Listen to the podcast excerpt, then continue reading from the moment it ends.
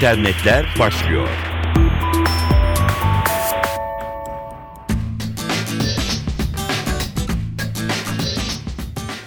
Merhaba, sanal alemden gelişmelerle karşınızdayız. Mikrofonda Dilara Eldaş. İnternet ansiklopedisi Wikipedia'nın yeni düzenlemeleri 20 binden fazla yazarın siteyi bırakmasına neden oldu. Son birkaç yılın analizi bu. Dünyanın en büyük dijital ansiklopedisi her ülkeden daha çok katılımcıyı hedefliyor, daha çok farklı dillerde makalelerin oluşmasını amaçlıyor aslında. Ancak Minnesota Üniversitesi'nde yayınlanan araştırmaya göre 2012 yılı sonunda Wikipedia'nın İngilizce yazarlarının sayısı 35 bindi. Oysa bu rakam 2007 yılında 56 bin civarındaydı. Araştırmacılar %37,5'luk gerilemeyi yeni düzenlemelerin getirilmesine bağlıyor.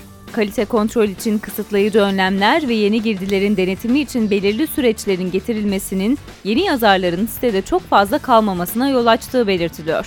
285 dilde kayıt bulunan internet ansiklopedisinin kurucusu Jimmy Wales kısa bir süre önce yaptığı açıklamada siteyi yeni yazarlar için daha çekici hale getirmek zorunda olduklarını kaydetmişti. Elektronik posta pazarlama firmalarının tercih ettiği pazarlama yöntemlerinin başında gelirken Türkiye'de en çok spam e-posta gönderen ülkeler sıralamasında uzun yıllardır ilk onda maalesef.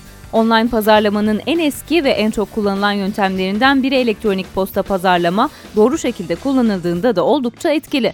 Ancak e-posta sahiplerinin bu pazarlamacıları her an kara listeye alması da söz konusu ve bu konuda kullanıcılar elbette çok haklı. Bunun önüne geçmek için birkaç öneri var. Bakın biz kullanıcıların dikkatini çekmek için neler öneriliyor. Dijital pazarlamacılarının e-postalarında mutlaka metin de bulunmalı. Sadece görsellerden oluşan bir e-posta spam olarak algılanma olasılığını yüksek kılar. Mailin konu bölümünde uzun cümleler olmamalı. Bu da bir spam algısına yol açabilir. Abonelikten ayrı seçeneği görünür olmalı. Görselin ne kadar yer kapladığı da önemli. Çok büyük boyutlu görseller mesajı e-posta sunucuları tarafından otomatik olarak spam klasörüne gönderebilir.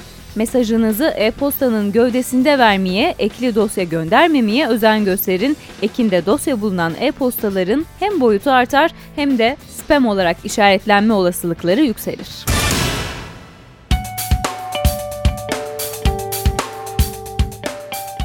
Dijital pazarlama iletişimi endüstrisinin en iyilerini belirleme iddiasında olan bir ödül töreni kapıda. Mix Awards Türkiye 2012 yarışması için geri sayım başladı. IAB Türkiye tarafından düzenleniyor yarışma. Ama önce IAB kısaca hatırlatalım. Interactive Advertising Bureau, Türkiye'deki tıklanma oranları olarak birbirleriyle yarışan internet sitelerini ölçümlemek üzere Türkiye'de tanınan tek yetkili kurum.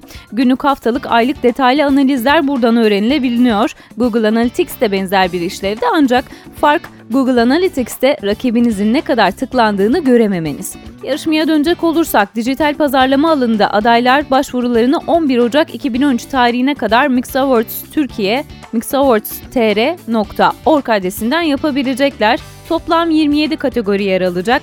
En iyi interaktif çalışmalara altın, gümüş ve bronz mix ödüller verilecek. Mobil reklamlar, oyunlar, online videolar, viral, ev dışı dijital, tablet uygulamaları, sosyal medya aplikasyonları alanlardan birkaçı.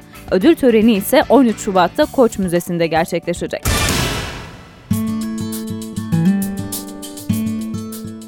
Kısaca aktaracağımız birkaç konu başlığı daha var. Ardından bülteni noktalıyoruz. Amerika Birleşik Devletleri Kongre Kütüphanesi Twitter'la iki yıl önce yapılan anlaşma kapsamında mikroblog sitesi hayata geçtiğinden bu yana atılan tüm tweetlerin yani mesajların arşivleneceğini açıkladı.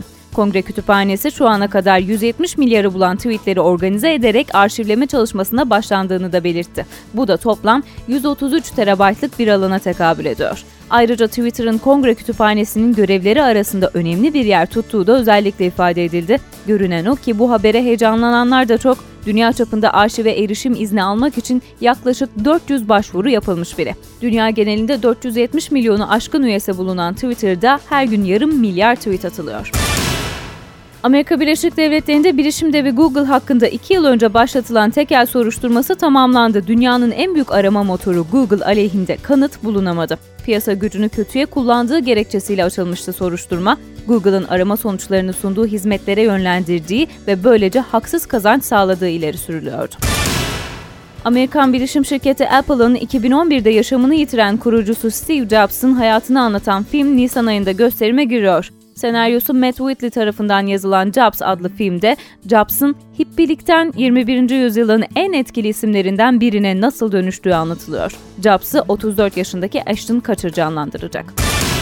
İnternette güvenli iletişimin sağlanması için Türkiye'deki bir bilişim sistemi üzerinden üretildiği iddia edilen sahte Google.com sertifikası Google, Microsoft ve Mozilla'yı alarma geçirdi. Arama motoru Google yaptığı açıklamada Türk Trust tarafından ego.gov.tr için üretilen web sertifikası üzerinden sahte bir google.com sertifikası üretildiğini belirtti. Söz konusu firmaya ait www.kktcmerkezbankası.org için üretilen bir sertifikanın daha güvenlik nedeniyle askıya alındığı açıklandı. Böylelikle internetleri noktaladık. Twitter'da @ntvradio ile takipte kalın.